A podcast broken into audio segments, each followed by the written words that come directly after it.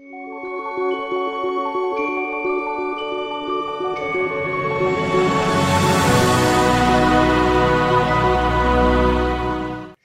och välkomna till dagens Barca-avsnitt. Ett Barcelona-avsnitt som kommer innehålla väldigt mycket utav det som har hänt senaste veckan. Eh, framförallt El Clasico-förlusten. Innan vi börjar med detta programmet så vill jag att ni i länken här ovanför går in, registrerar er och utnyttjar bonusen som vi har tagit fram för er supportrar där hemma. Där ni får dubbla insättningen upp till 500 kronor. Alltså så får ni upp till 500 kronor extra att spela för.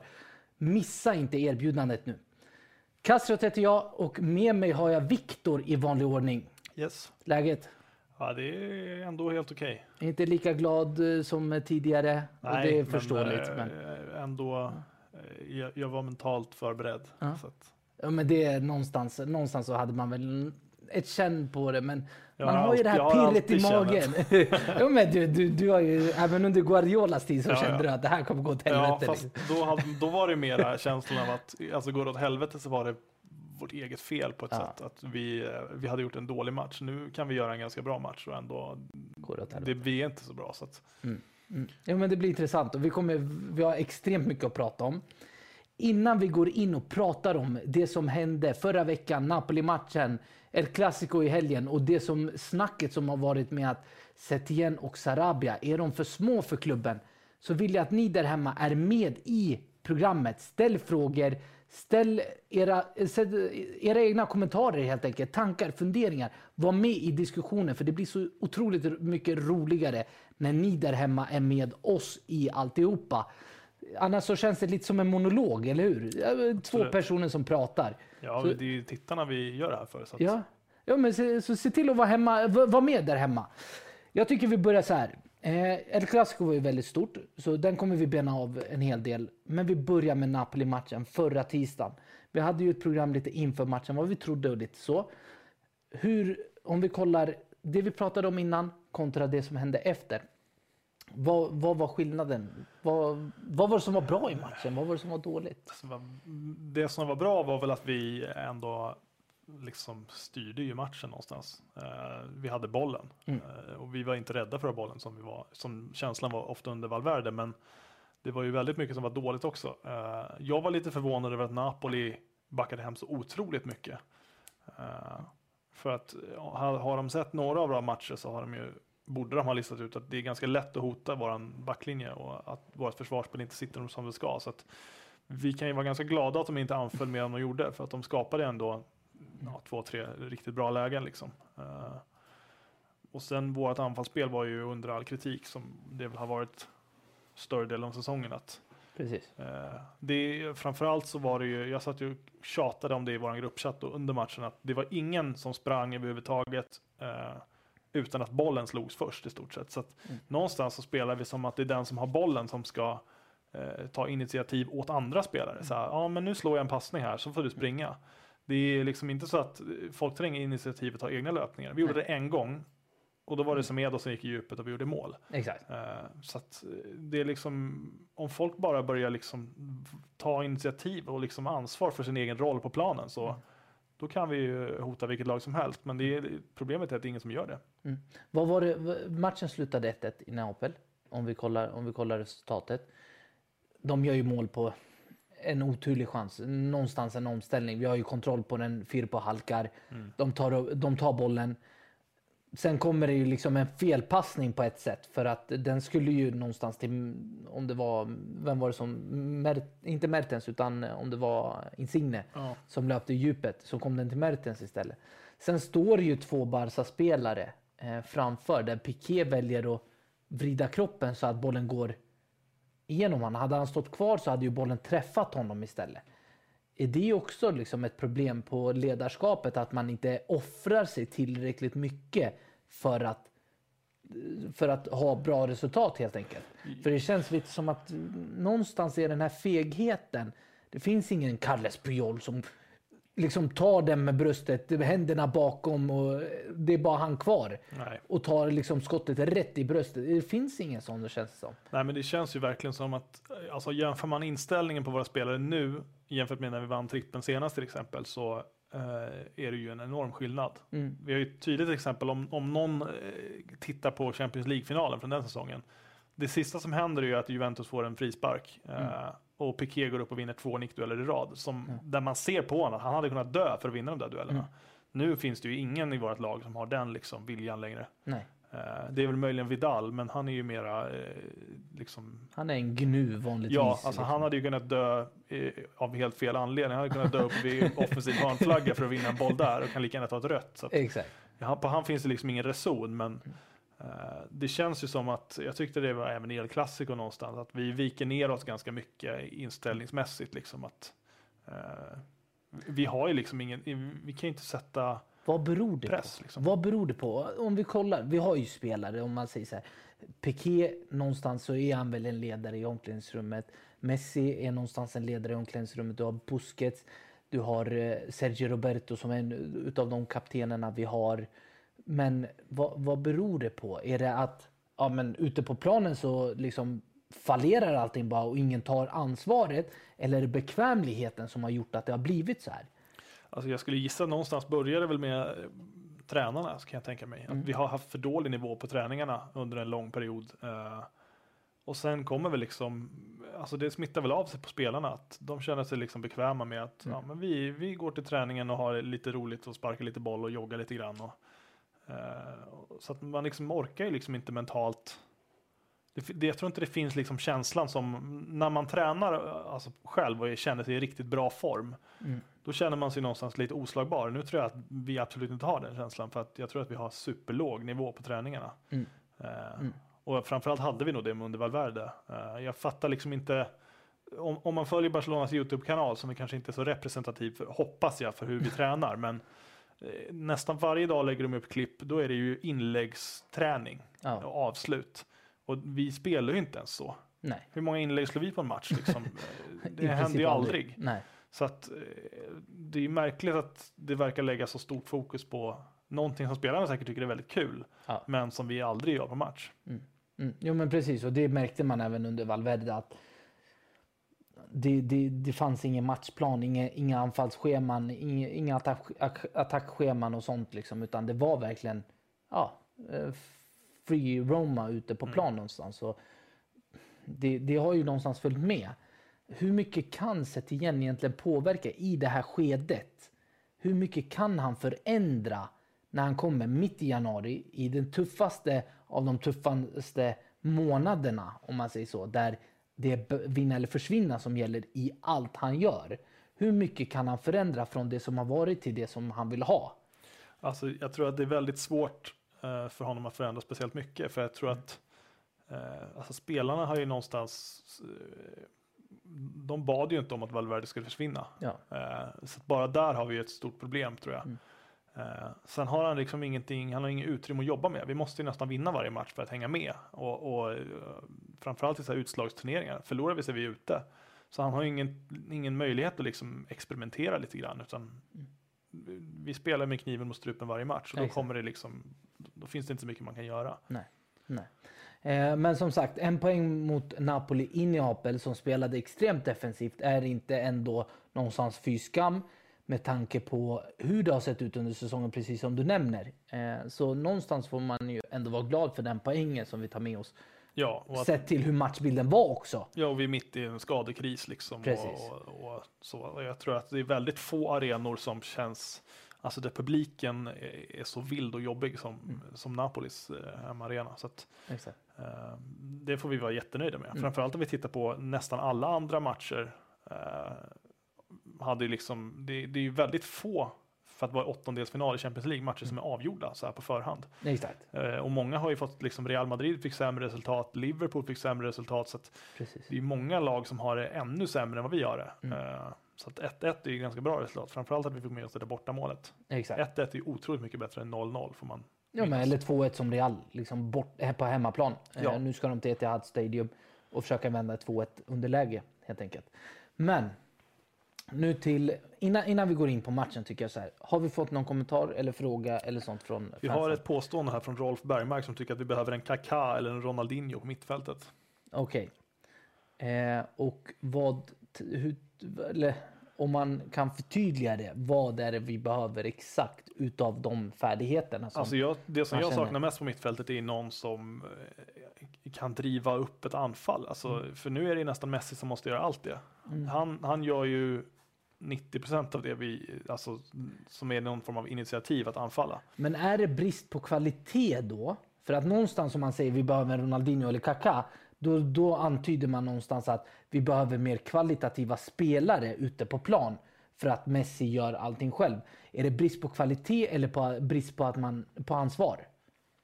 Jag tror att det är brist på ansvar snarare. Uh, framförallt så jag är helt övertygad om att både Arthur och Frenkie de Jong skulle kunna slå perfekta framspelningar om någon sprang. Mm. Eh, men oftast så är det vi kanske har en spelare som springer eh, lite halvhjärtat och då går det inte att göra så mycket. Mm. Men om det skulle komma två, tre löpningar per anfall så då är ju de tillräckligt bra för att göra någonting. Men nu Mm. är det problemet att alla går liksom och väntar på. Oftast så kan man slå, en, man ser hur många gånger som helst på en match. Någon slår en passning till Messi som står en meter bredvid. Så här, nästan så här, "Ha, här ta bollen Ja, och gör någonting. ja, de här alibi-passningarna Ja, som man och kallar då kanske någon springer så här, "Ja, nu har Messi bollen, nu måste jag springa för han, han är duktig på att passa. Exakt. Eh, Men det vet ju alla motståndare, vet ju det. Alltså Ja. man måste ju vara totalt blåst om man inte ser hur mycket Messi gör i vårt lag. Så att, eh, El Clasico nu till exempel, Ramos har uttalat sig om att de hade ju tre spelare som hade fokus på att ta bort Messi. Det var han, Marcelo och Casemiro. Exakt. De kan alltså offra tre spelare på en av våra spelare för att det händer ingenting. Ja. Det är ingen annan som utnyttjar de ytorna som blir, så att, Nej, vad ska vi då göra liksom? så är det. Så är det. Men, någonting mer? Eh, du får en eh, fin kommentar att eh, dina analyser är bra. Tack. Kul att höra. Från Eh, ja, Aib Abdul Aib. Kadir. Ayub, eller? Ja, men Ja. perfekt. Det är någon, att- Kärlek, kärlek. det är någon, det är någon kompis. alltså. Exakt. Ja. Eh, men låt oss prata om den stora matchen.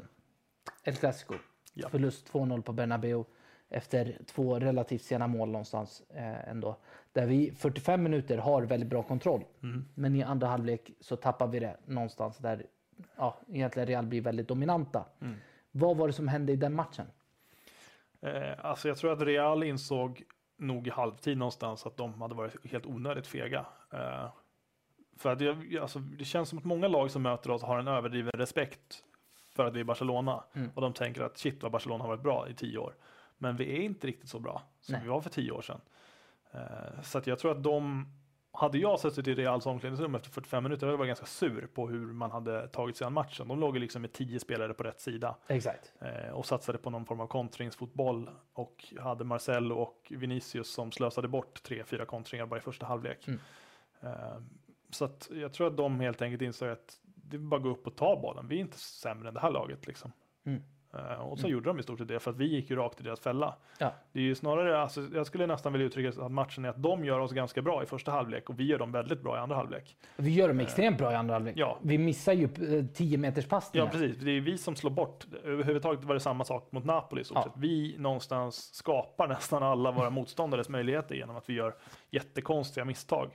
Eh, som känns liksom bara slarvigt. Eh, Men där känns det också någonstans att det kommer ifrån att man letar efter de här alibi-passningarna till Messi till exempel. Att, man, att man verkligen letar efter sådana här konstiga passningar där du kan ta ett annat alternativ. Setien har ju varit inne på det spåret och sagt att det är mycket alibi-passningar till Messi. Det försöker vi jobba bort, men det tar tid. För att det är ingen som tar det ansvaret, precis som du sa, att driva upp bollen. Och vi har ju några sekvenser vi kommer gå igenom alldeles strax eh, från, från själva matchen. Men en person som fick väldigt mycket hyllningar efter målet i Real, det var ju Vinicius. Mm. Men eh, personligen så, s- det är som du säger, du, han missade ju väldigt många eh, kontringar så. Är det rättfärdig beröm eller inte? Alltså jag tror att han hade lika gärna kunnat bli rätt hårt sågad om han inte hade fått hjälp av Piqué att göra ett mål. Eh, för att han ser ju som vanligt ut.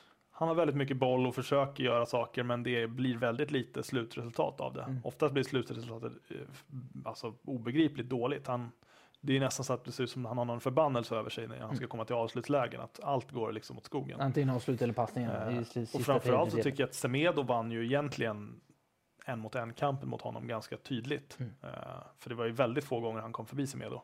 Jag tror inte det och då var någon försökte gång. han, nej, jag minns knappt heller någon gång. Ja. Och då försökte han ändå utmana nästan varje gång han fick bollen. Mm. Eh, så att eh, det är väl mera liksom det blir en hype när man gör mål i El Clasico om man är en ung spelare. Eh, de, nu har han liksom börjat jämföras med, ja, han var yngre än Messi när Messi gjorde sitt första El Clasico-mål. Exakt. Fast Messi gjorde ju sitt andra och tredje mål samma dag. Så att, Ja, det blir en konstig jämförelse i alla fall. exakt. Det går ju inte. Och, alltså absolut, visst åldern. Han gjorde ett mål i yngre ålder, men som du säger, det är svårt. Han Ja. gjorde hattrick Det liksom. är ju nästan så att man tycker att det borde räknas som självmål för att det är ett avslut som aldrig hade gått in om, om inte Piqué hade varit där. Så att, Exakt. Tyvärr så går det ju mot mål.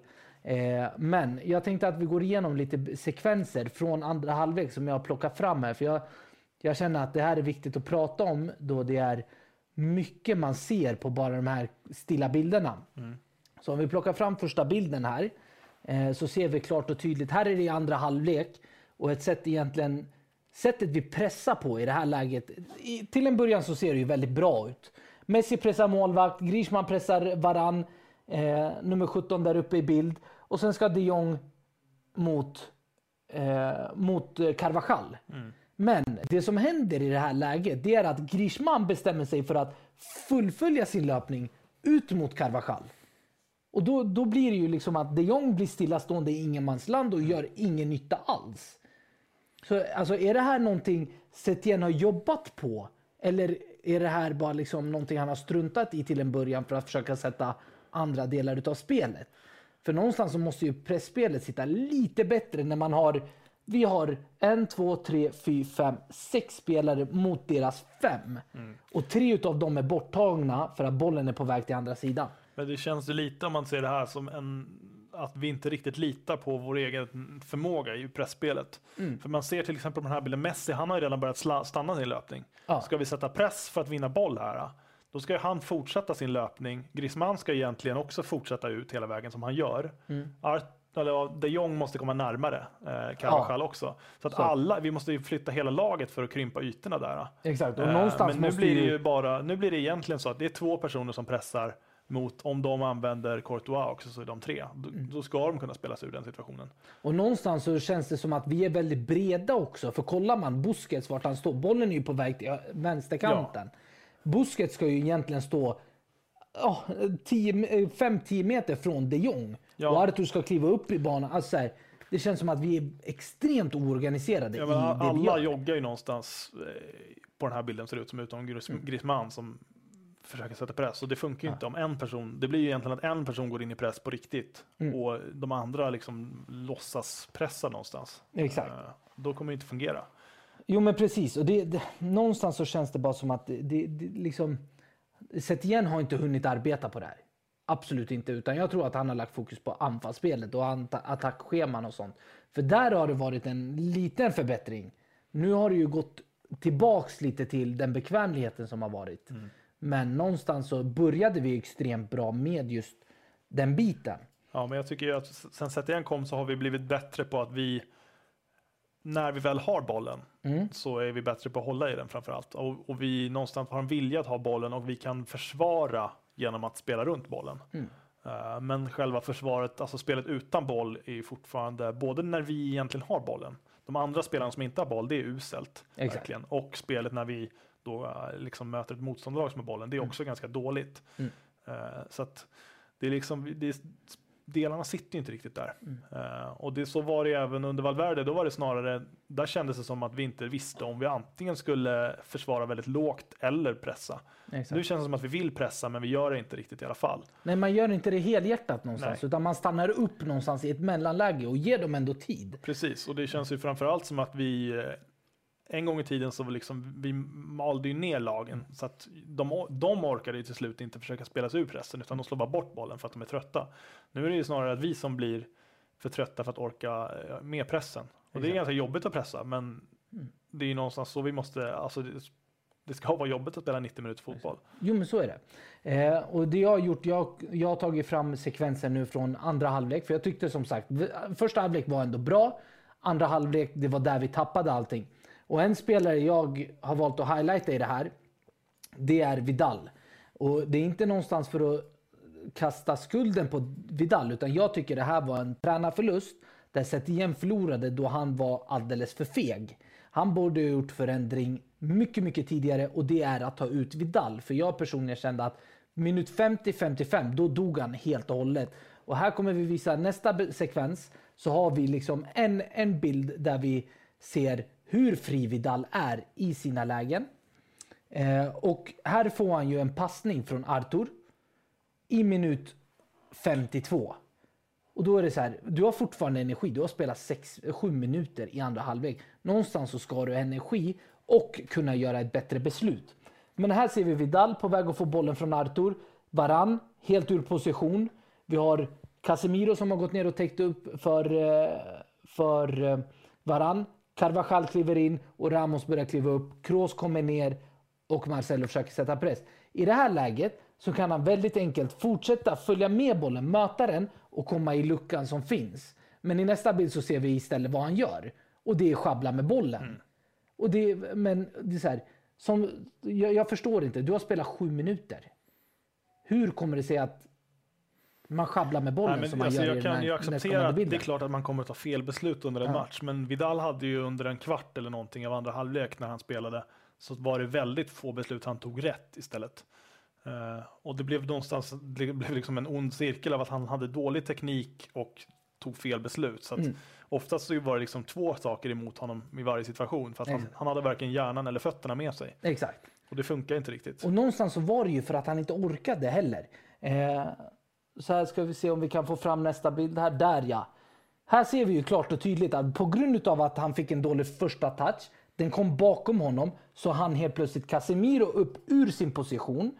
Kroos han komma ner och Marcelo han sätta press mm. och det leder till att han blir av med bollen. Mm. Sen märker man väldigt tydligt hur han liksom försöker hämta andan under väldigt långa sekunder om man säger så, mm. under matchens gång, framförallt andra halvlek. Så där känner jag liksom att, okej, okay, sätt igen. Du, du förlorade matchen på grund av att bytet kom alldeles för sent. I nästa sekvens har vi ju en till bild med Vidal eh, i fokus. Och här ser vi, här har det ju precis varit en, ett omställningsläge om man säger så. Eh, det, det, var felpassning av Marcelo till Kroos. Eh, där de missar passningen på 10 meter. Han missar med 2-3 meter åt sidan. Grishman är nära på att snappa upp den och då är Varan där och passar hem till målvakten. Det leder till att Courtois i sin tur hittar Carvajal som har kommit ner och mött. Men Vidal som var nere vid straffområdet ligger i linje med backlinjen. Hur kommer det sig? Det här, och det här är minut 54. Det är två minuter efter det misstaget som han gjorde alldeles nyss. Hur kommer det sig att han inte orkar ta sig upp i ett omställningsläge? Mm när det är en spelare som någonstans tjänar miljoner och liksom ska träna stenhårt och dagligen för att palla just de här 90 ja. minuterna. Men det var väl det, han kan väl ursäktas lite av att det är inte hans fel bara att vi, jag, jag förstår att han blir trött för att vi slår ju bort bollen. Det blir ju liksom en väldigt hafsig matchbild som inte passar oss. Att vi, när vi väl vinner bollen och vi försöker ställa om, då slår vi bort den direkt. Så då måste mm. man vända hemåt igen. Eh, så det blir liksom springa upp och ner på grund av att vi är helt inkompetenta när vi väl har bollen. Eh, men samtidigt så eh, då är det ju, alltså då måste han ju byta ändå om han ja. inte orkar med det. Då måste vi göra någon förändring och där jag vill ändå lite liksom ursäkta sett igen för att vi har nästan ingenting på bänken eh, som går att sätta in. Det är klart att det är alltså, bättre att ha en, vem som helst nästan Du hade kunnat sätta in Fatih, Fatih, lägg Grishman på högen som kan ta det defensiva arbetet. För Grishman är ju väldigt duktig. Lägg in Fatih på vänstern för att deras vänsterkant var inte lika farlig som våran höger. Eller deras vänster, om man säger så. Våran vänsterkant, där var det inte lika, lika mycket hot Nej. från Carvajal. Eh, utan där var det mer balanserat. Det kom lite till och från. Och det hade Fatih klarat av. Han är en väldigt utbildad kille, har spelat i Barca hela livet. Det ska han klara av, även fast det är El Clasico. Sen självklart att han skulle misslyckas med någonting, men det hade inte blivit farligt på grund av det. Då flyttar man över Grishman istället som kan ta det defensiva arbetet och göra det bra. Och så har du helt plötsligt löst problemet. Messi, in med han centralt. Messi, du jobbar inte, du pressar bara när vi ska pressa. Väldigt enkelt. Och sen efteråt kan du ta in eh, Breathwaite. Mm. Alltså jag tror redan från liksom startuppställningen så kändes sett igen lite eh, lite feg på grund av, tror jag, att vi har släppt in så mycket enkla mål. Så han ville liksom täta till bakåt snarare än att våga lita på att vi, vi ska kunna sätta ett försvarsspel och anfalla. Ja.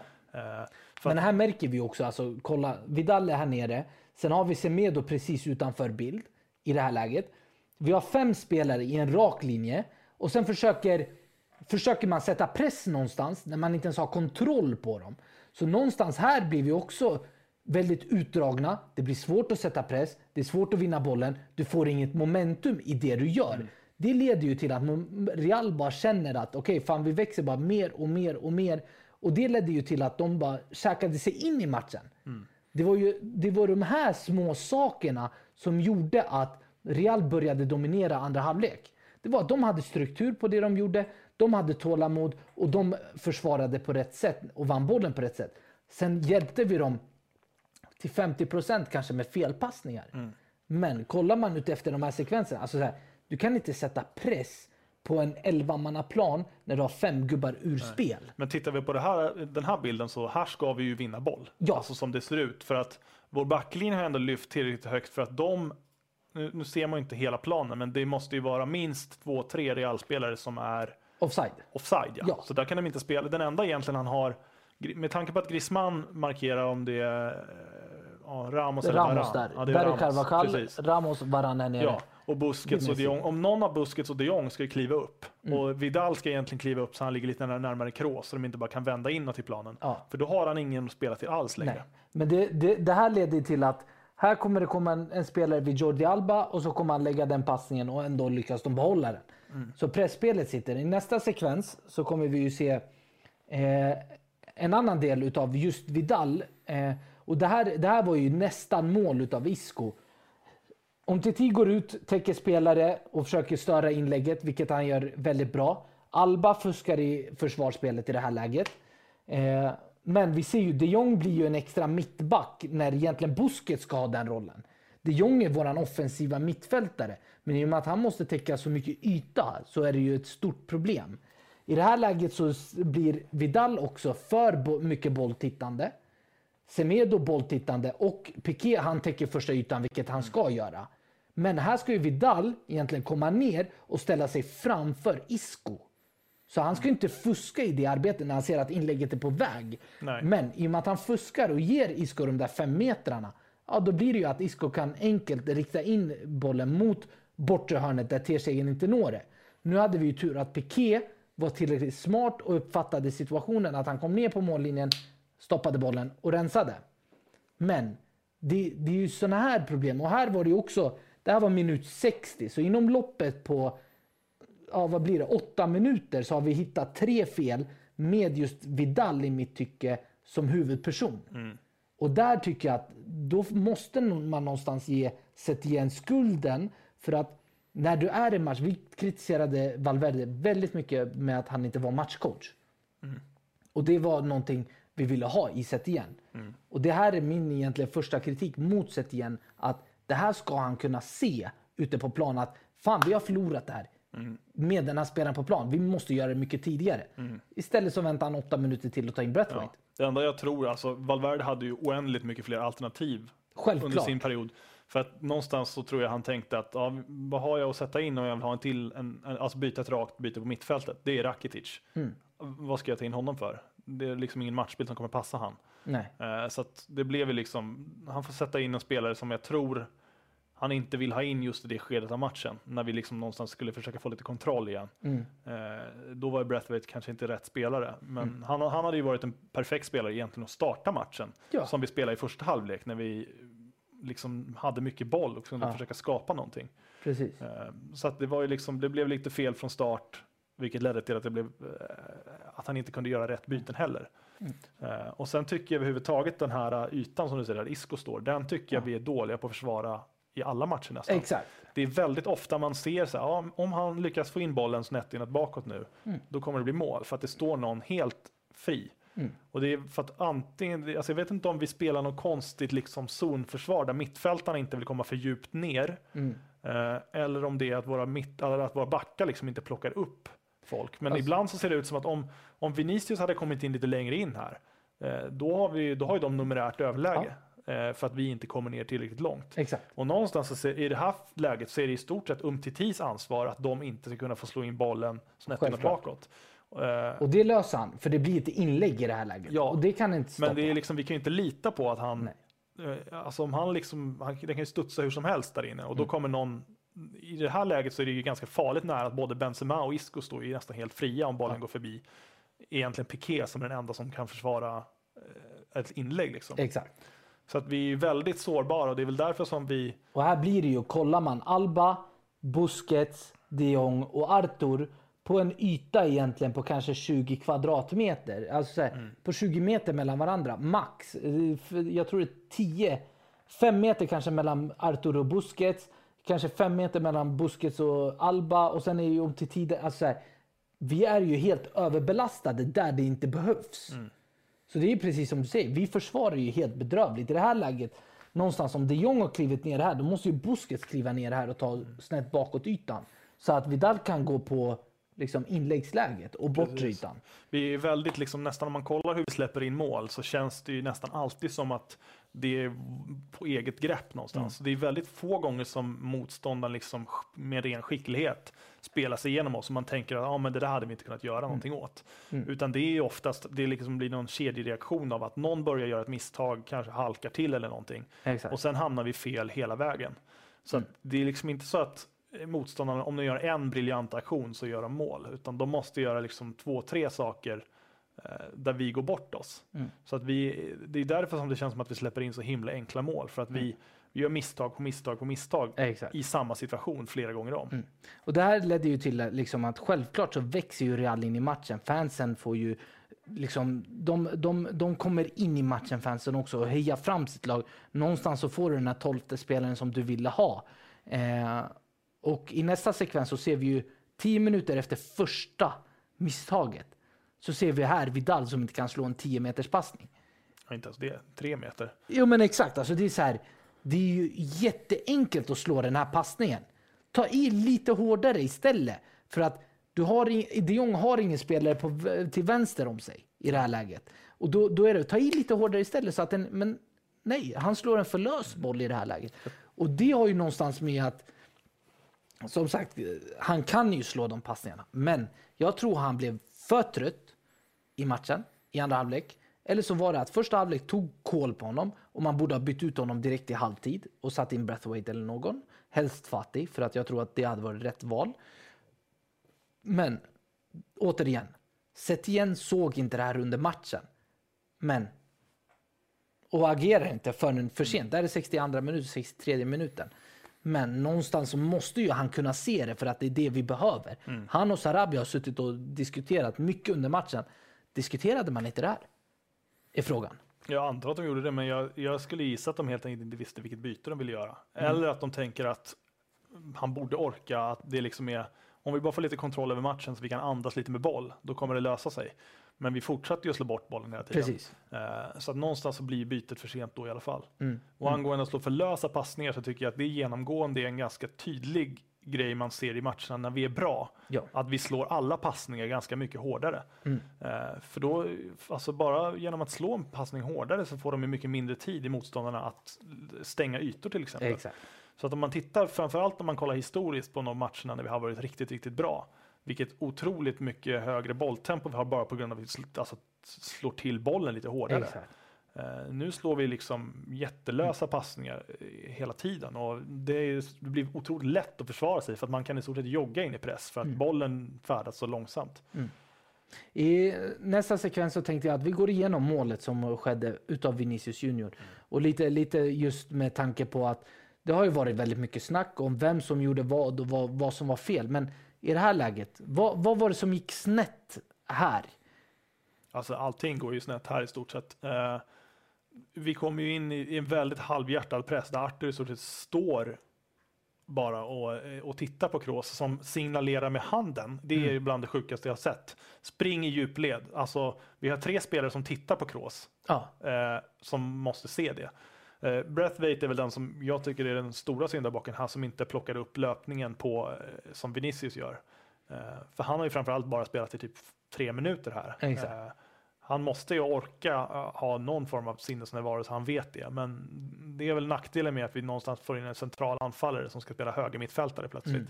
Mm. Mm. Uh, han är inte van att försvara uh, så att det blir ett liksom, totalt juniormisstag. Mm. men jag tycker också att Piqué ska ligga lite närmare ut mot kanten här. Semedo ligger väl egentligen rätt. Men det, blir ju, det ser ju otroligt billigt ut när Benzema i stort sett ser ut som han promenerar hem ja. för att möta boll. Bara för att han vet att då drar han med sig Semedo. Eh, men det finns ingen som täcker bakom. Exakt. Eh. Jag, tycker, jag tycker en hel del skuld ska gå på Artur i det här läget också. Som är, han ska ju pressa bollhållaren, men står och avvaktar istället. Så någonstans så blir det också, eh, inom fotboll så säger man, har man press på bollhållaren, då trycker man upp laget. Har man inte press på bollhållaren, då avvaktar man och täcker yta och är mm. understödd mm. någonstans. Så liksom, det här var ju också att det blev, okej, okay, ja men Semedo följer med sin gubbe för att han vill inte att Benzema ska vända, vända sig om. Det leder till att det skapas ett hav bakom Semedo. Eh, och där är det som du säger, Breathwaite ser ju Vinicius och ser Kroos vinka. Mm. Han ska ju fatta att den här löpningen kommer komma och förbereda sig på det. Låt Vinicius få bollen vid fötterna för då har vi ändå kontroll. Mm. Men så fort eh, liksom, bollen går mellan dem så är det bara han mot målvakt tills Piqué kommer glidande mm. in i tacklingen. Ja. Eller in i situationen. Alltså, vi ser till och med på hela liksom, kroppspositionen på Breathwaite att han är ingen försvarsspelare. Nej, För han, han står ju helt fel med fötterna. Uh, alltså om man ser till vart bollen kommer komma så är hans han har ju hälarna åt det hållet som, som han ska försvara åt egentligen. Ja. Så det kommer ju ta, han kommer ju tappa tid bara på att vända sig om egentligen. Exakt. Uh, och sen tycker jag väl Artur som du säger, han ligger lite fel i position också egentligen mm. för att han Alltså han ska ju bara gå rakt det är klart på han ska så att han får han. Han ska ju också försvara någonstans. Jag vet inte riktigt vilken yta han försvarar in i nu. Exakt. Det är klart, han, han vet ju inte riktigt. Han, antagligen så borde han ju få bli styrd av både Piqué och Busquets om han ska gå till höger eller vänster. Jag skulle ja. vilja ha en lite, lite längre ner ja. så han täcker någon form av farlig yta. Nu täcker han ju egentligen en passning som skulle komma in typ där Busquets borde vara. Ja, och det är den här framför Piqué här. Där, där kommer det ju en löpning, men det ja, liksom... men den har ju åtminstone Piqué koll på. Ja. Plus att om Piqué fångar upp den löpningen så är, har vi de Jong tror jag. Exakt. Som ligger som bakom. kommer falla ner bakom också. Mm. Så den löpningen skulle vi ha koll på. Så liksom... Den enda farliga löpningen som, alltså det finns bara en enda löpning. Det är Vinicius. Som kan göra, det är Vinicius som kan göra den. Ja. Och den klarar vi inte av att fånga upp, vilket är otroligt dåligt verkligen. Mm. Uh, så det är liksom, och återigen, det är ju flera misstag i ett. Att Piqué sen, han måste ju försöka ta, det är liksom svårt att klandra honom för det, men det är ändå ja det blir någonstans ett misstag att han råkar styra in bollen i eget mål. Men... Ja, hade han inte varit på bollen så Ter Stegen läste ju Vinicius väldigt, väldigt enkelt. För ja. Ter Stegen var ju där. Ja, och, och han det är ett dåligt avslut egentligen också. Men ja.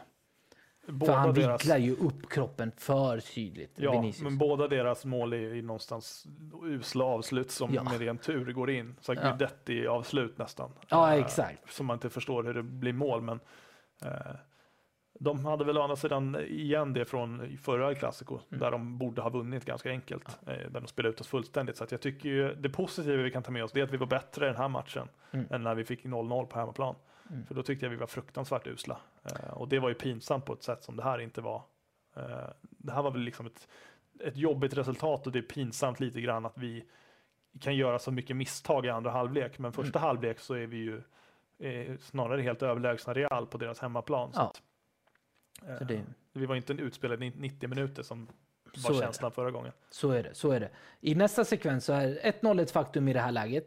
Och nästa sekvens så ser vi väldigt tydligt liksom vad det brister på också. Det, det, är det här ansvaret. Man har gjort bytena. Alltså Fatih Rakitic har kommit in. Breathwaite kom in tidigare innan 1-0 målet. Men här ser vi ju någonstans att vem är det som ska ta ansvaret till att göra någonting? Rakitic var ju väldigt ofta i position någonstans bakom, alltså han kom ju aldrig in i den farliga ytan. Det var ju väldigt lätt för Real att försvara. Fatih försökte ju ta löpningar i djupet. De Jong är ju som allt, allt, allt för ofta väldigt offensiv, vilket han ska vara. För han har ju antagligen fått direktiven kring det. Men här ser vi ju liksom Marcello, han kan ju bara sitta och reka på vad som händer på plan. Vilken mm. yta ska jag fånga upp? Vart är Messi? Det är kanske det han kollar efter. Vart är Messi? Messi ligger framför allihopa. Casemiro pekar upp Modric för att ja, men, passningen kommer komma ditåt. Var beredd, kliv upp på honom. så att inte Messi får passningen. Och det, det är så här, Alba lunkar ut mot kanten. Det känns som att det är väldigt halvhjärtat numera i ett läge där du vill ha ett mål. Ja, det är ju framförallt ingen som hotade den ytan som hade varit farlig i det här läget, vilket är mellan Marcello, Casemiro och Kroos någonstans. Exakt. Där är det ett stort hav av yta Ja. där vi inte har någon spelare och det naturliga hade väl varit att vi får in Messi där. Eh, Men han har ju liksom inte fått någon boll i stort sett på hela matchen, så han kommer ner för långt. Och sen blir det väldigt konstigt att vi då istället har fyra spelare borta på en yta som inte, den hotar ingenting och, vi, och bollen är inte ens där. Så att varför Alba, de Jong, Fati och Messi ska stå där borta i ena hörnet när bollen inte är där och det går inte att hota och göra mål därifrån heller. Det är ju väldigt märkligt. Så att här ser det ut som att vi stort sett har gett upp. Ja. Eh, och i nästa sekvens så är det en, en hel del, det är sista bilden eh, som jag har tagit. Här, här, alltså, här ser man varför många säger att Rakitic är klar i Barca. För här ser man klart och tydligt bekvämligheten hos Rakitic. Inget ansvar. Eh, det, här, det här är den 85 minuten i princip. 85 minuten, du behöver göra ett mål. Det står 1-0. Du får en passning här utav Jordi Alba eller om det är Busquets. Och då väljer Rakitic istället för att han, han har ju ett hav framför sig. Och här är det lite som vi pratade om innan. Att han kan ju bara liksom på en touch driva upp bollen. Antingen hitta ett väggspel med Messi eller Birthwaite Eller hitta Fatih på djupet. Men du har även ett skottläge. Som via någon styrning kan ställa Courtois väldigt enkelt. För det är den ytan man vill komma åt. Men istället så väljer Rakitic att titta på Benzema, vända sig om och börja om och sen slå en alibi-passning till Messi istället och säga Messi tar över ansvaret du. Och det är lite, lite sånt här jag blir väldigt, väldigt irriterad över. Det är de här vet vad de ska göra. Det är så här, du vet att du måste gå framåt. Någonstans måste du gå framåt. Vi har precis packat upp. Semedo är här nere ute på kanten och täcker upp högerkanten. Vi måste kliva uppåt, men du väljer att gå tillbaks. Varför? Ja, här är ju framförallt ett ganska tydligt läge på, om man kollar hur Benzema, som verkligen skyndar sig hem, för han ser faran Ja. som Rakitic inte ser. Att han måste hem på rätt sida, för att om Rakitic tar med sig den här bollen bara rakt framåt, Mm. Messi skulle kunna springa lite ut mot där jag antar att Marcelo befinner sig, för Ja. att få med sig Ramos lite i en löpning. Då är plötsligt Breathwaite, han skulle i stort sett kunna vara fri mot mål om, vi får, om, han, om Rakitic slår en bra passning framåt. Exakt. Exakt. Eh, vilket inte ens hade varit speciellt svårt. Men någonstans så är det som att vi har liksom, det känns också som en del i att vi har tappat bort vår identitet. Att vi liksom, spelarna vet nu plötsligt att vi ska hålla i bollen, men de fattar inte syftet med det riktigt. Nej. Så att här är det så här, ja men jag måste säkra bollen, nu får jag en passning, jag vet inte riktigt var alla spelare befinner sig, vilket han för det första borde veta. Mm. Ja, men det är att, ja men då säkrar, det är bättre att ta eh, säkra för det osäkra och se till att vi har kontroll på bollen, så Mm. vi kan göra någonting med den sen. Men det är liksom, vi, vi har ingen in- spelidé färdig i spelarnas sinne när de får bollen. Men är det de stå och spelidén? titta Är det spelidén? Eller, alltså, det- jag tänker så här. Rakitic har varit i Barca i flera år. Eh, Du har Busquets som har varit Barca i hela sitt liv, hela sin karriär. Piqué hela sin kar- seniorkarriär i princip. Alba kom från Valencia väldigt ung. Du har, du har Ansu Fati som är ungdomsprodukt. Semedo har varit här i tre, fyra år. Det är så här, du har ju ändå spelare som har varit här väldigt, väldigt länge. Är det så svårt att veta att du ska gå framåt?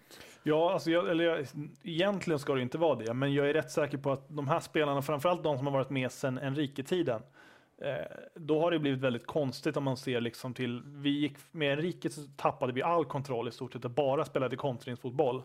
Med Valverde då blev det nästan ännu konstigare på ett sätt, för där kunde vi bara skapa möjligheter genom att kontra. Men vi ville inte kontra hela tiden, utan vi ville liksom låtsas ha kontroll ibland. Så här, typ som i det här läget att Rakitic ska sakta ner lite grann för att vi ska hålla i bollen. Eh, men då kan vi ju plötsligt inte göra någonting. Det enda, Nej. alltså under Valverde så enda, det var helt meningslöst att hålla i bollen för att vi ska, kunde inte skapa någonting med den.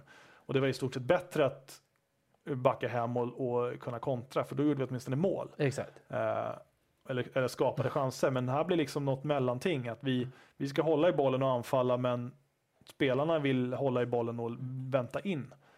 Och så är det ju överhuvudtaget väldigt ofta i våra matcher att vi har skickliga spelare, alltså framförallt de Jong tycker jag är jätteduktig på att eh, hitta in med passningar mellan lagdelar, alltså, Mm. så att vi spelar förbi en lagdel. Messi är också antagligen bäst i världen på det. Ja. Men sen vänder vi hem. Exakt. Den är, vi dödar all yta vi redan Mm. har, alltså, som vi vann för en sekund sedan. Den spelar vi tillbaks och, och ger tillbaks till motståndaren. Så att, Mm. eh, vi gör det ju otroligt lätt för dem att försvara sig, Mm. vilket ju får vårt anfallsspel att se helt bedrövligt ut. För det, finns, det ser ut som att vi inte har något anfallsspel nästan. Mm. Jo men precis, och det, det är det. Det är, det är så extremt mycket individuella saker som påverkar kollektivet. För jag tycker, som sagt, det har sett väldigt bra ut. Men jag tror att det är dags för nytt blod i truppen. Ja, absolut. Alltså halvera hela truppen och ta in juniorer hade nog varit Mm. tusen gånger bättre än att liksom fortsätta med det vi har. Eh, inte minst ekonomiskt självklart, men jag tror spelarmässigt, för det känns som att Rakitic har gjort sitt. Vidal absolut att han kan fortsätta vara kvar om det visar sig att han är en rotationsspelare och inget annat. En spelare som ska förändra en matchbild som har blivit väldigt låst. Enda, enda sättet för han att vara kvar, i mitt tycke. Men i övrigt, det är så här, vi, vi behöver väldigt, väldigt mycket nytt. Bli av med Griezmann, för jag tycker inte han tillför någonting. Nej. Det är väldigt få han tillför. Men det, det är lite de här sekvenserna som jag tycker var avgörande för Real att ta över kommandot helt och hållet i andra halvlek. Och det borde sett igen någonstans ha tagit till sig och sett och reagera på tidigare. Problemet är ju i dagsläget så vi, vi hade ju Valverde som verkligen var en coach som ja, jag har bestämt mig, de här tre bytena, de kommer hoppa in minut, minut, minut i princip, oavsett matchbild. Men vi, vi reagerar alldeles för ofta än att agera. Och någonstans så måste vi ha en tränare som agerar, som ser att fan nu börjar det gå åt skogen, nu måste vi få in lite färskt blod. Och det, det har vi saknat egentligen sen Guardiola, Tito Villanova-tiden. Någonstans Enrique, visst, han hade väl det någonstans i sig, men vi har ju saknat det sen den här ageringen och det är därför jag säger Setien måste någonstans ta den största skulden utav alla för den här förlusten. För att han inte såg matchbilden och agerade utefter det som hände på plan. För man såg det väldigt tydligt från kameran. Det borde han ha sett ute på plan också. Och jag, framförallt eftersom det har sett ut så här. äh, Det, det här var ju ingen match som var liksom speciellt annorlunda mot hur det kan se ut i andra matcher. Eh, så att eh, jag tror ju att han antagligen borde han ha sett det här flera gånger. Ja, Eh, men vi har helt enkelt inte löst problemet i alla fall. Och då är ju det antingen beror det på att han inte lyckas få spelarna att förstå vad han vill eller så är det spelarna som Mm. helt enkelt inte klarar av att ta till sig det bara. Mm. Och båda känns ju jobbiga, vilket det än är liksom. exakt. Hur ser det ut med fansen där hemma? Så tänkte jag att vi går igenom några kommentarer och frågor. Ja, vi har en här. Är det bara jag som eh, saknar en plan B? Det gör nog alla, eh, självklart. Men vi, någonstans har ju Barca också varit att man inte har behövt riktigt en Nej. plan B. Utan man har ju kört på, sitt, på sin plan A och sen i slutändan så har plan B varit lyft upp Piqué när du väl har behövt det. För att få in bollarna in mot straffområdet. Och där är Piqué extremt duktig. Det är inte, det är inte så att han är dålig. I, liksom, han har ju varit extremt hotfull varje gång han kommer in i boxen. I spelets gång. Men jag, jag tror att det handlar mer om att ansvaret, ansvaret hos grabbarna. Och vi kommer gå igenom det, för det har varit väldigt mycket snack med, om just Sarabia och Setien också nu efter matchen om att eh, deras vara eller icke vara. Eh, men nej, jag känner inte. Plan B borde vara att man lyfter upp en back. Liksom. Men annars så har vi våran Alltså, vi har ju nästan aldrig haft, eh, alltså jag skulle se när vi värvade Zlatan var det ett försök till att få in en plan B. Ja. Problemet var att han var för dyr för att bara vara plan B och då blev plan A sämre. Eh, så att vi har egentligen alltid litat på att plan A ska vara tillräckligt bra för att vi ska inte behöva plan B. Exakt. Har, Exakt. behöver vi plan B, då är det ju verkligen att sätta upp Piqué och liksom chansa så. Mm. Eh, så att nu är, jag tycker problemet är inte att vi inte har plan B, utan att plan A är för dålig. Ja. Den funkar inte som den ska. Ja, och den är lite för seg. Tidigare så hade vi ju liksom Xavi Iniesta. Plan B var ju någonstans att ha Seydou Kita eh, som en extra spelare, som en lite tuffare, eh, brunkig spelare som kan gå in i boxen och attackera. Till skillnad från Xavi Iniesta. Så liksom, det har väl någonstans varit plan B också. Men där ser jag Vidal till exempel. Att Det är en spelare man kan slänga in i minut 65. Om man vill förändra en matchbild. Ja. Något mer? Eh, jag ska se här. Ja, många klagade på Valverde, men han spelade med de resurser som vi har, det vill säga mycket sämre bollhållare och pass och positionsspelare än vi haft förut. Och därför tappar vi boll oftare än vad vi gjort förut. Alltså någonstans håller jag inte med. Alltså, vi har ju spelare som de Jong, Busquets, Arthur, Messi som är egentligen världsbäst på att hålla i bollen. Ja, det håller jag helt med om. Det är så här, det, det, vad, vad är det som har hänt med Alltså jag köper Rakitic för han har blivit väldigt bekväm och går sällan offensivt.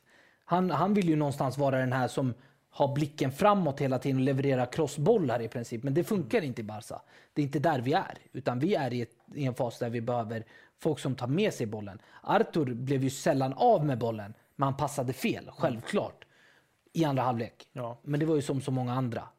Och jag tror det stora problemet i det här, det är fysiken rakt av. För vi orkar inte riktigt. Det är, vi har märkt det mot Getafe, vi har märkt det nu mot Real, vi har märkt det mot Napoli. Vi, vi, nu var ju Napoli väldigt lågt sittande försvar, så vi hade lågt tempo överlag. Men vi har ju märkt det mot alla lagen som vi har mött hittills. Valencia, samma sak. Vi orkar ju inte efter 55-60 minuter riktigt. Nej. Så det, det blir väldigt lätt att såra oss. Ja. Här har vi en intressant Rolf Bergmark som är duktig på statistik. Vi hade eh, 56 procent rätt passningar i andra halvlek. Det måste vara någon form av bottenrekord Ja. som jag överhuvudtaget har hört om. För jag tycker framförallt, det var inte att Real var helt fantastiska i sin press och Nej. liksom svärmade som bålgetningar. Som Nej. typ, om man kollar, kommer ihåg Dortmund med Klopp Ja. till exempel, som var otroligt bra på att sätta hög press. Jo, men de pressade med sju spelare och sen... spelare överallt liksom. Ja. Så tyckte jag inte Real var, utan det var snarare att till och med i lägen när vi inte var under speciellt mycket press så slarvade vi bort bollen genom Ja. att slå en helt vansinniga passningar rakt in i planen på någon Real-spelare. Och Precis. det var ju typ som om alla hade fått tunnelseende. Jo, men det, och det, det återigen, liksom, någonstans så tror jag det har med fysiken att göra. För att när du blir trött så missar du de här, det här extra fokuset. Och där, liksom, det är någonting som inte får hända. Liksom. Jag, och jag, jag tror stenhårt på att försäsongen har varit alldeles för bedrövlig. Och fokuset från Valverde har ju varit att ja, men vi, vi satsar på omställningar. Liksom. Vi, vi blir ett sånt lag. Tuffare lag, vi vinner eh, våra dueller i straffområdet oftast. Och sen har vi Messi, vi sätter bollen på och Griezmann sticker i djupet. Alltså, någonstans kanske det var ta- tanken med just Valverde. Men det funkade ju inte hela vägen ut. Och nu ska Setien komma in med en tröttkörd grupp som inte ens klarar av att höja intensiteten på träningarna utan att gnälla som eh, små fjollor. Och sen, det, här, det går inte att förändra någonting Nej. i dagsläget. Så jag, jag tror att någonstans så bottnar det i att vi är för dåliga i grundfysiken. Vi klarar inte av det, så det, det funkar inte. Ja, men det har ju alltså framförallt, det har ju klagats på den usla försäsongen från, ja, det var väl Piqué vill jag minnas som klagade på Ja. att vi hade liksom ingen försäsong. Eh, och det är ju fullständigt vansinnigt. Och jag minns att Valverde sa att liksom, man behöver inte lägga så stor vikt vid fysiken. Och det är ju ett av de mest vansinniga uttalanden jag har hört från någon som håller på med idrott. Och de Jong kom efter några veckor och anlitade en personlig tränare för att fortsätta behålla sin fysik.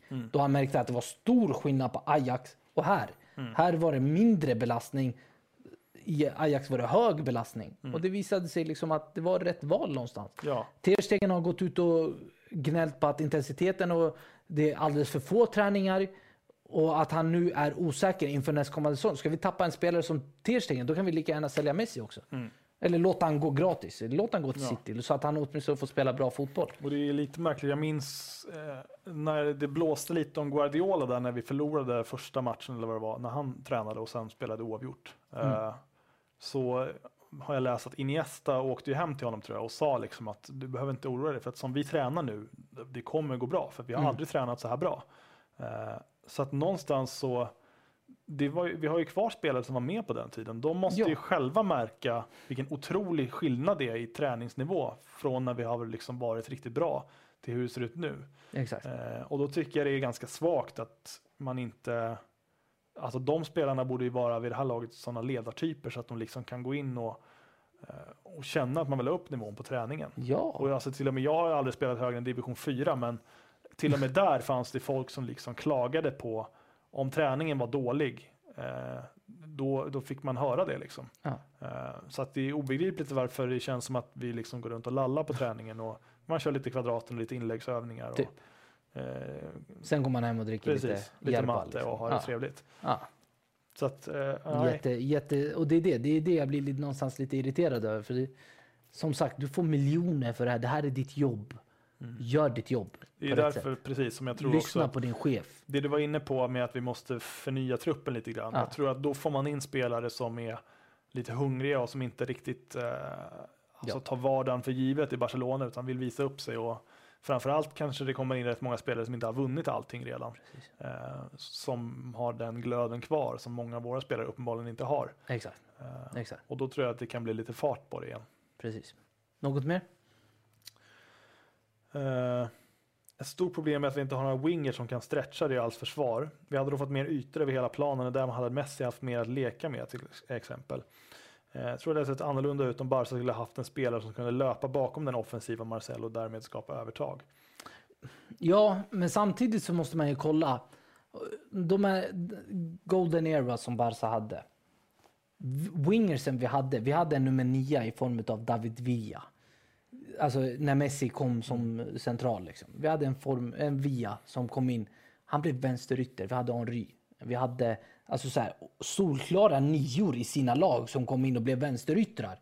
Men vad var det, vi hade Pedro. Vad var det det ledde till? Jo, det ledde till att de klev in i banan och man tryckte upp ytterbackarna istället som kan behålla bredden. Det leder ju till att, okej, vem är det ytterbacken ska ta? Ska du ta den som löper i djupled eller ska du ta ytterbacken?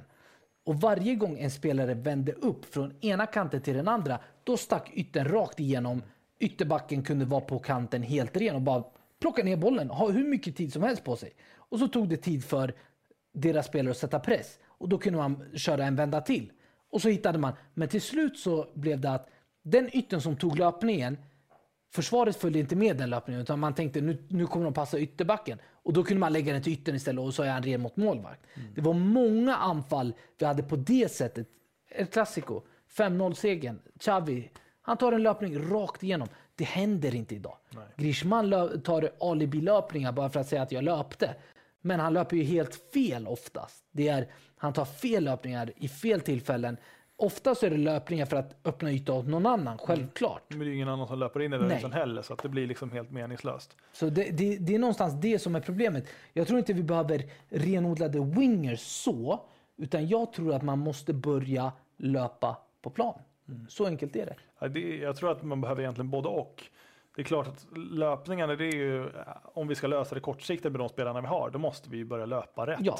Eh, och, och löpa överhuvudtaget. Men jag saknar ju också kreativa, det är därför som jag tycker det varit kul när Fatih har spelat, för att han åtminstone kan göra sin gubbe lite grann. Mm. Eh, och om vi går tillbaks till när du säger med Henri och David Villa till exempel, med, när vi hade Pep, så finns ett jättebra klipp när Henri förklarar eh, Guardiolas spelidé. Ja.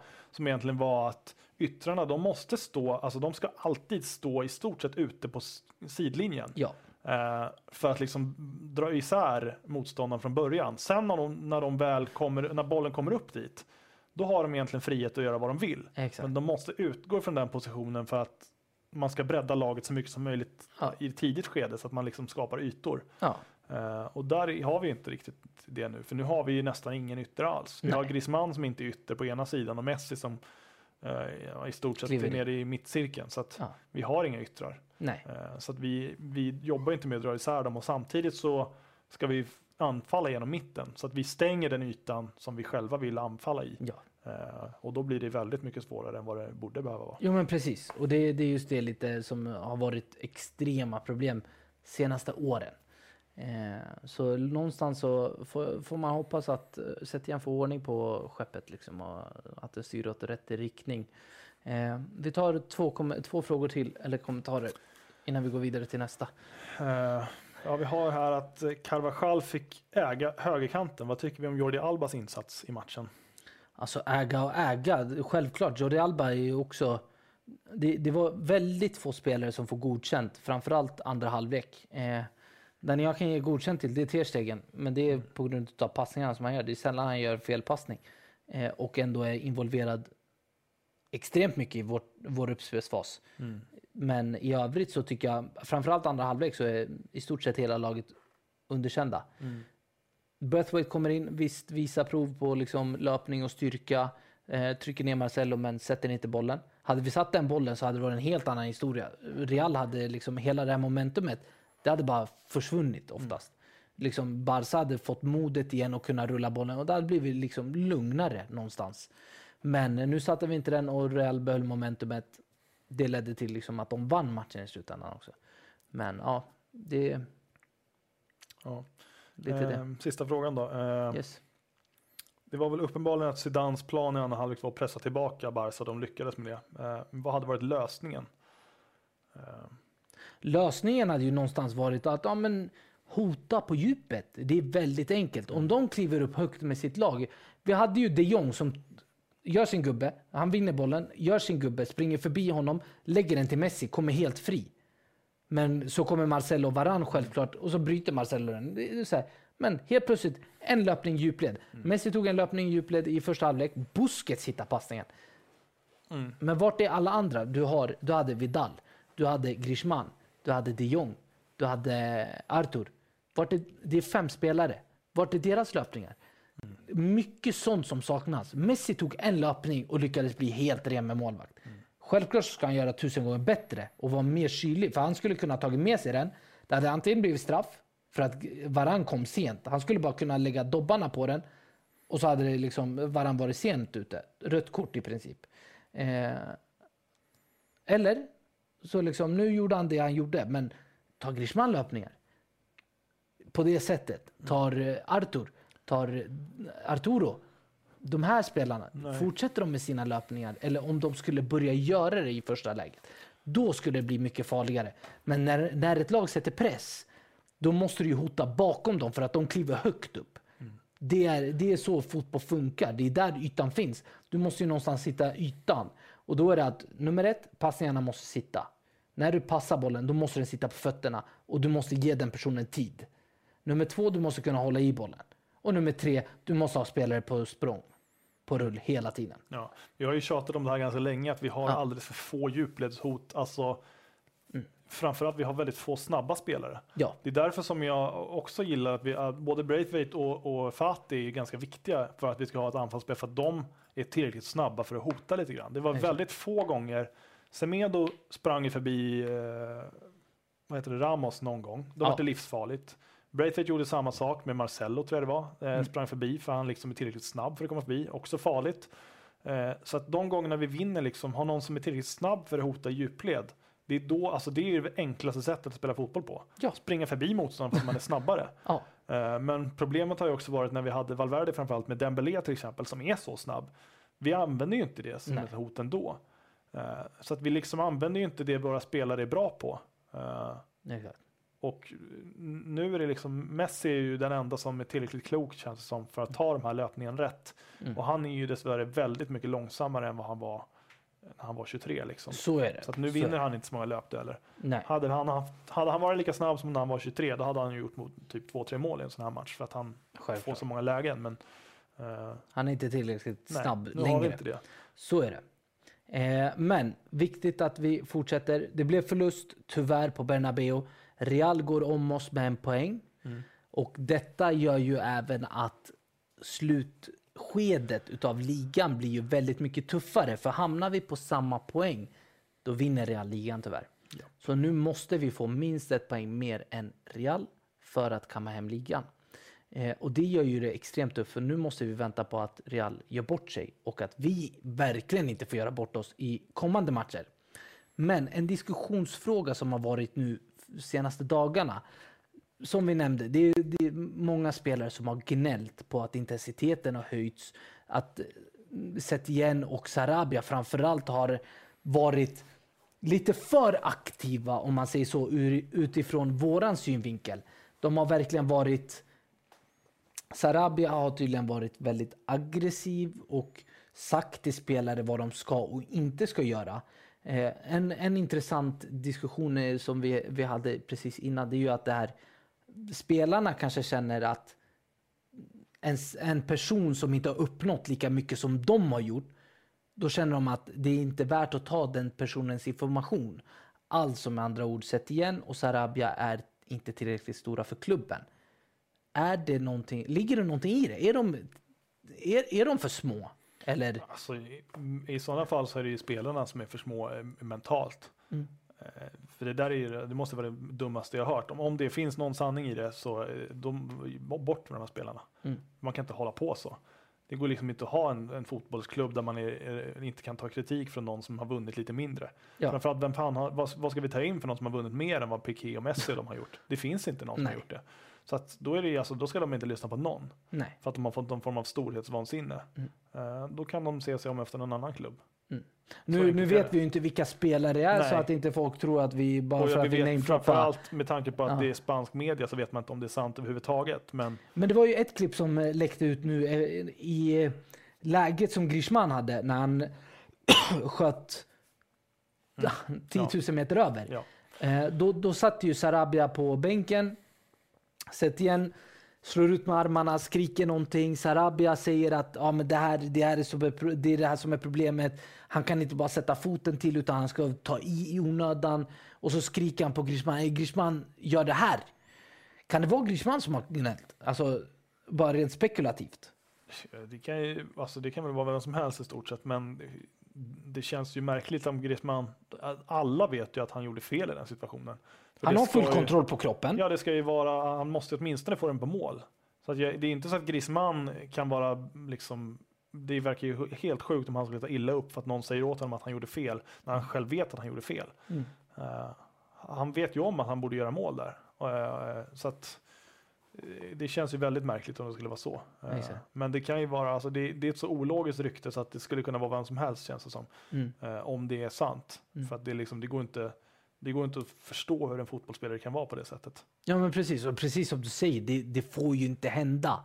Framförallt inte i våran vackra klubb. Utan det är, då säger jag, det är bättre att köra med våra B-lagsspelare då i sådana fall. Vi har några år där det blir extremt, extremt tufft. Men vi får bort det här bekvämligheten. Vi får bort de här spelarna som inte längre någonstans har kärleken till klubbmärket, till klubben i sin helhet. Någonstans så känns det som att de här spelarna vill bara bli feta på sina pengar nu. De sitter på så bra löner, de sitter på så bra kontrakt. De får spela La Liga, Champions League, Copa del Rey. De får möta de bästa någonstans. Samtidigt ha en fet plånbok. Vem gillar inte det självklart? De har ju dessutom lyckats vinna La Liga och allt möjligt genom att gå på halvfart. Mest för att Real Madrid har varit mycket sämre än i vanliga fall. Exakt. Vilket de fortfarande är. Så att, eh, det känns ju som en tråkig nedgång för hela, inte bara för Barcelona utan hela liksom spanska toppen känns ju betydligt sämre än vad de har varit på länge. Mm. Eh, och dåligt, alltså svårt att motivera sig uppenbarligen för spelarna. Exakt. Vilket jag tycker är tråkigt. Därför så, som du säger B-lagsspelare som liksom har om man tar Iniesta som ett exempel, någon som kommer till La Masia när han är 13 år och Mm. krigar i liksom kanske sju års tid för att få ett A-lagskontrakt. Då är det väl klart att då har man någon form av hunger för att man har liksom slitit halva sitt liv Exakt. för att nå en punkt som man nu äntligen kan nå och ha chans att vinna någonting. Men de här spelarna har ju liksom spelat i tio år och är liksom orubbliga upplever de sig nog Exakt. som. Så att, eh, Och jag tror att det är där problemet ligger någonstans. Vi har ju inte tillräckligt med backup för att ersätta de här och visa att du, nej, det är dags för dig att sätta på bänken. Du gör inte tillräckligt bra ifrån dig. Men om man, om man återgår till Setien. Setien hade ju under matchen El Clasico sagt till Sarabia att tona ner, eller i början av de första veckorna, tona ner liksom sättet han pratar på väldigt mycket och många gånger. För att tydligen så accepterade inte killarna det. Men hur kan du som professionell spelare inte acceptera att en person säger till dig att du gör fel, det här ska du göra utefter den taktiken och planläggningen som läggs upp? de måste väl ha blivit lite chockskadade av att de gick från att ha mysgubben Valverde som väl aldrig verkar ha höjt rösten i hela sitt liv Ja. till att få någon som faktiskt skriker lite på dem. Ja. Eh, Men alltså det är ju, jag förstår inte hur det kan vara. De måste ha haft så många tränare genom åren som har skrikit lite på dem. Men alla tränare måste väl ha gjort Ja det? men att spela fotboll, ja, framförallt på den nivån de är, det är liksom ingen kravlös värld. Nej. Eh, Så jag, det är ju... Det är inte division 7 i Sverige till exempel där Nej, du till spelar och för med i division skull. 7 så har ju fan jag lagkamrater som hade skrikit på mig om Ja. jag gör någonting som är fullständigt värdelöst. Ja. Så att eh, någonstans oavsett vilken nivå man spelar på så finns det en kravbild. Mm. Och att de någonstans enligt det här då skulle ha eh, inte kunna acceptera det. Det känns ju otroligt märkligt. Det känns de väldigt måste- fjolligt. Alltså. de måste Det- ha levt med det i 20 år, typ, vissa av dem. Exakt.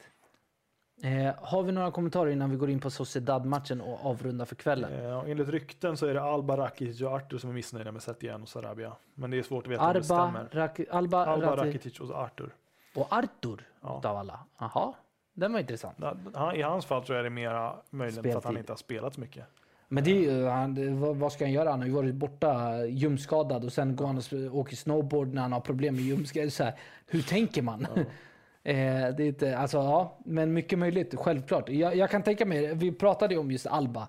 Han känns som en grinig, grinig person. Ja, men liksom. han känns ju mentalt eh, minst mogen av alla i vårt ja, lag någonstans. men han, han är ju typ som en liten jättebebis, typ, Ja. känns det som. Verkligen. I attityden och det syns på planen. Liten Ja, och gullig, gullig jättebebis liksom. precis så. Men, och jag kan tänka mig att han gnäller, men det är inte så att han gör en stor sak utav det tror jag. Nej. Utan eh, det är nog mer. Jag tror, jag tror Rakitic, det trodde jag också. Eh, utan att ens ha läst några rykt, rykten. Men Rakitic har ju verkligen haft det mysigt under Valverde. Mm. Där han har fått spela dubbelsläpande defensiv mittfältare med Busquets. Mm. Och inte behövt jobba så mycket. Så. Nej. Något mer? Eh, nej, vi har nog tömt det mesta som var bra. Ja. Eh, det, är, det är bra snack överhuvudtaget. Många som sitter och pratar med varandra, vilket är kul att se. Ja. Så vi har fått igång en bra dialog här. Ja men kul, skönt. Det är bra att de snackar lite med varandra Ja. också. Eh, så att det inte bara är med oss också. Så det är kul. Men matchen, när är den nu? Lördag, söndag? Lite Eh, osäker. lördag. Lördag. 18.30 tror jag. 18.30. Jaha, konstig tid. Eh, men 18.30, Sociedad hemma. Eh, senast 2-2 borta mot dem där Isak fick näta. Mm. Isak som har varit i en bra form nu senaste två matcherna inte lyckats näta. Vad kan vi förvänta oss av den matchen?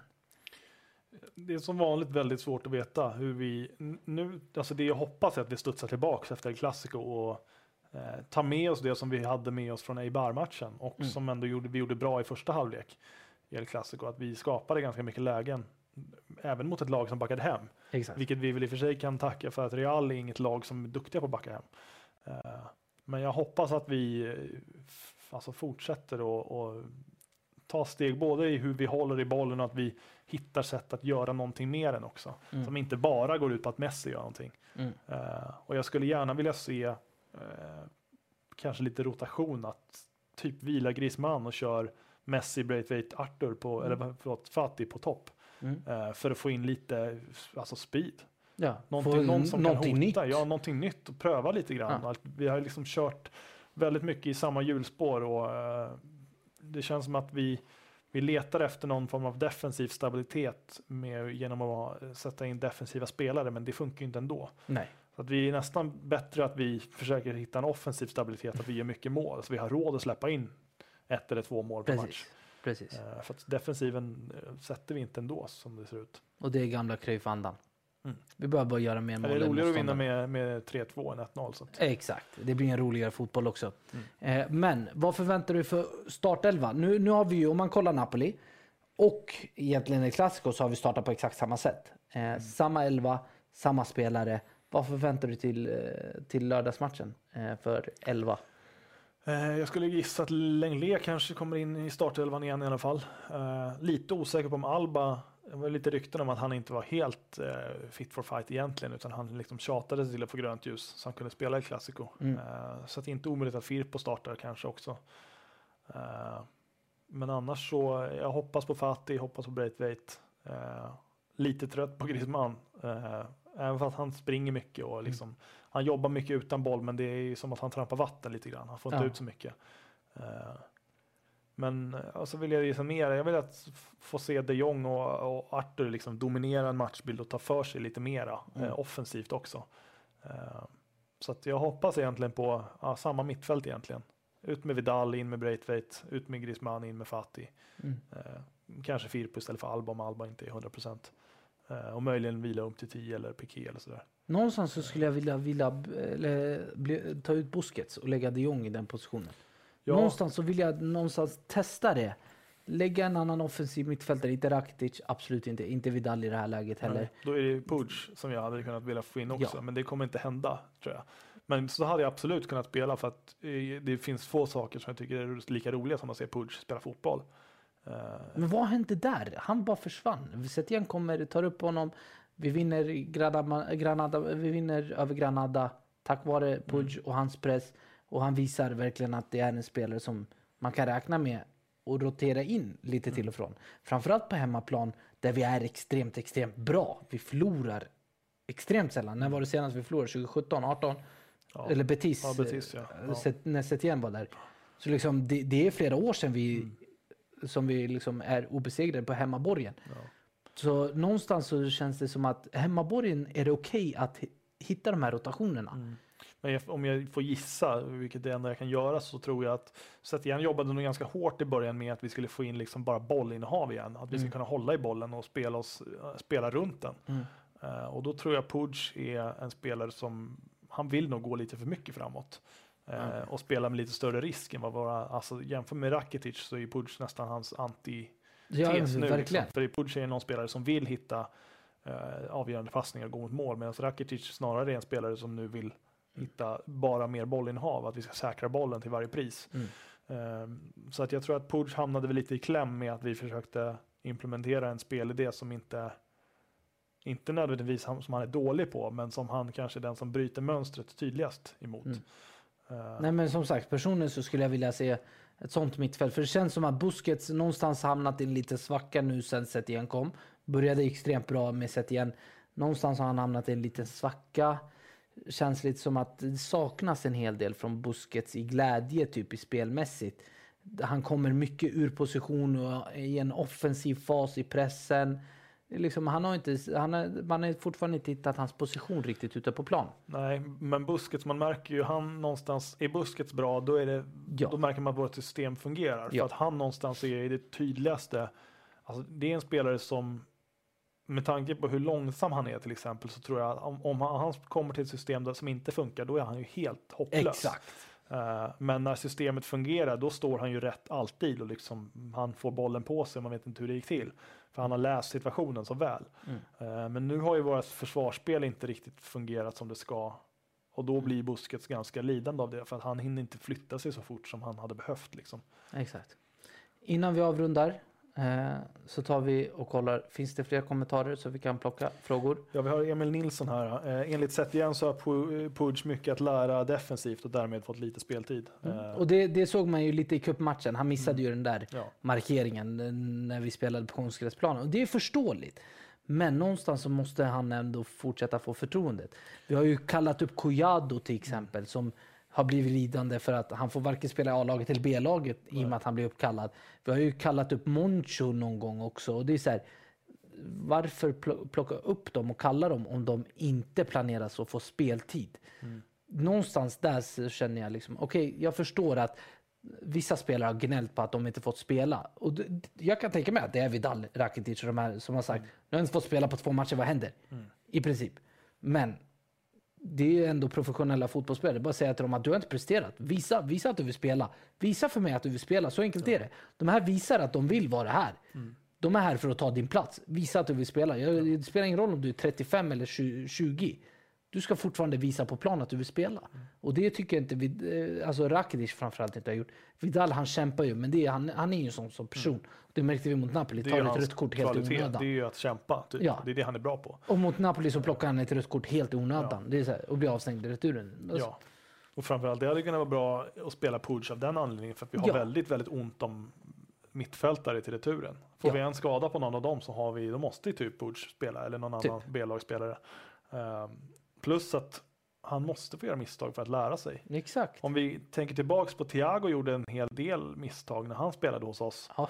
Eh, och han är ju en av världens bästa mittfältare nu liksom. För att, antagligen för att han har lärt sig väldigt mycket. Ja. Det finns ingenting man lär sig så mycket på som är misstag. Jag lovar att de, Puig kommer hamna i en exakt likadan situation som när vi släppte in mål i kuppen. Ja. Så kommer han göra rätt i den situationen. Exakt. Eh, Men han måste ju hela tiden få göra misstagen. ja, Någonstans där så vi har vi ska tappat. ju egentligen vinna med 5-0 i, Ja. lite oftare så att det inte spelar någon roll om han gör ett misstag och vi släpper in ett mål. Precis. Vi gör ju inte det längre för att vi är för dåliga. Något mer? Eh, här är någon som, om vi kollar bakåt i tiden, i somras så borde vi ha köpt Everton från Brasilien och Martinez för att ersätta Suarez. Eh, det, Lautaro det finns ju med. fortfarande chans att vi kan göra det i framtiden. Men vad hamnade Everton undrar jag? Som var jättebra i Copa America. Everton, för, alltså han är ju kvar i Brasilien om jag minns helt jag fel. vill, det ryktades om att han skulle till Everton, vilket hade varit väldigt kul. Everton scores Ja, for Everton. Men eh, jag undrar också för han, han måste vara kvar i Brasilien. Ja, ja, jag det vet att det ryktades väldigt- stenhårt med Tottenham, Everton. ja Det var ju väldigt mycket, men det blev inte av tror nej, jag. Utan, han var ändå den roligaste överraskningen i hela Copa America för mig som Ja. inte kollar brasiliansk fotboll. han var ju extremt duktig. Men jag Precis. tror han, han blev kvar i Brasilien. Ingen ville betala den summan de krävde. Och då, Nej. jag tror det var 60 miljoner de krävde bara för att han hade en bra Copa America. Och det, är så här, det blev lite för mycket tror jag. Men nu har vi också eh, spännande, vi har ju någon ung portugis i ytter på väg in. Ciao. Precis. Eh, som man inte vet någonting om nästan. eh, men det kommer bli väldigt spännande att se. Eh, jag ser redan fram emot, eh, det har nästan blivit som den senaste säsongen, att jag ser mer fram emot försäsongsmatcherna. Ja. För att få se lite, lite andra spelare. Eh, än våra vanliga gamla trötta eh, 35-åringar. snart, Ja, liksom. exakt. Eh, Och det är det. Det är någonstans man vill ha de här Precis. ungdomarna. Men vi ska inte bara värva in de här ungdomarna. Du, eh, personligen så tycker jag att någonstans, jag tror att ungdomarna i Barça B är extremt bra. De är väldigt, väldigt duktiga och kan väldigt, väldigt mycket. Det är spelare som du i princip nu kan lyfta upp och rotera in. Sen värvar du två, tre stabila spelare i 26-27 års åldern som kan roteras runt med de här. Där, på så sätt så får du ungt blod med rutin som hela tiden liksom konstant arbetar tillsammans mot att bli bättre. Ja. Det är någonstans den balansen vi måste hitta. Bartomeu går efter pensionärernas pensionärer. Nu snackas det om Thiago Silva och eh, snart kommer det väl snackas om Ibra igen. Och så här, alltså så här, någonstans så försöker vi hitta de 35-plussarna och så ska vi hämta dem, betala en sjukt dyr lön Precis. till bekostnad utav våra unga spelare. Ja, vi skulle ju snarare behöva, framförallt om vi kollar på vår centralstomme, så är ju nästan, ja alla ju över 30. Ja, Eh, och vi har ju egentligen inte, i alla fall inte om vi ska bygga med egna talanger, så har vi ju ingen, möjligen Fatih som har tagit någon form av litet kliv mot Ja. att kunna bli en, en centralstomme i framtiden, men annars är det väldigt snålt. Och det är liksom kanske två, två säsonger kvar innan Piqué och Busquets och Messi och eh, Alba inte finns kvar och då har vi Exakt. ingenting. Eh, Exakt. Och det vore ju hemskt om vi ska köpa spelare till att täcka de här positionerna. För det kommer både vara dyrt och gå dåligt. och det där, där kommer det bli extremt tufft för Viktor Font ifall att han kommer till makten nu valet 2021. För det, det är han som kommer få ta den smällen och den generationsväxlingen. Så det kommer bli extremt mycket kritik om inte vi vinner under den perioden. För att alla kommer säga, okej vi hade de här spelarna, nu går vi till de här, vad fan är det som händer?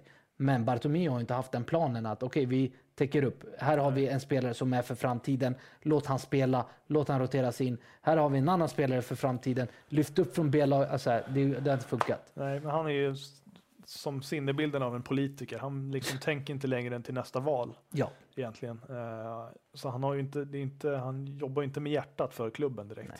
Han jobbar någonstans Med med, hjärtat för sig själv och hans egna fickor. Ja. exakt.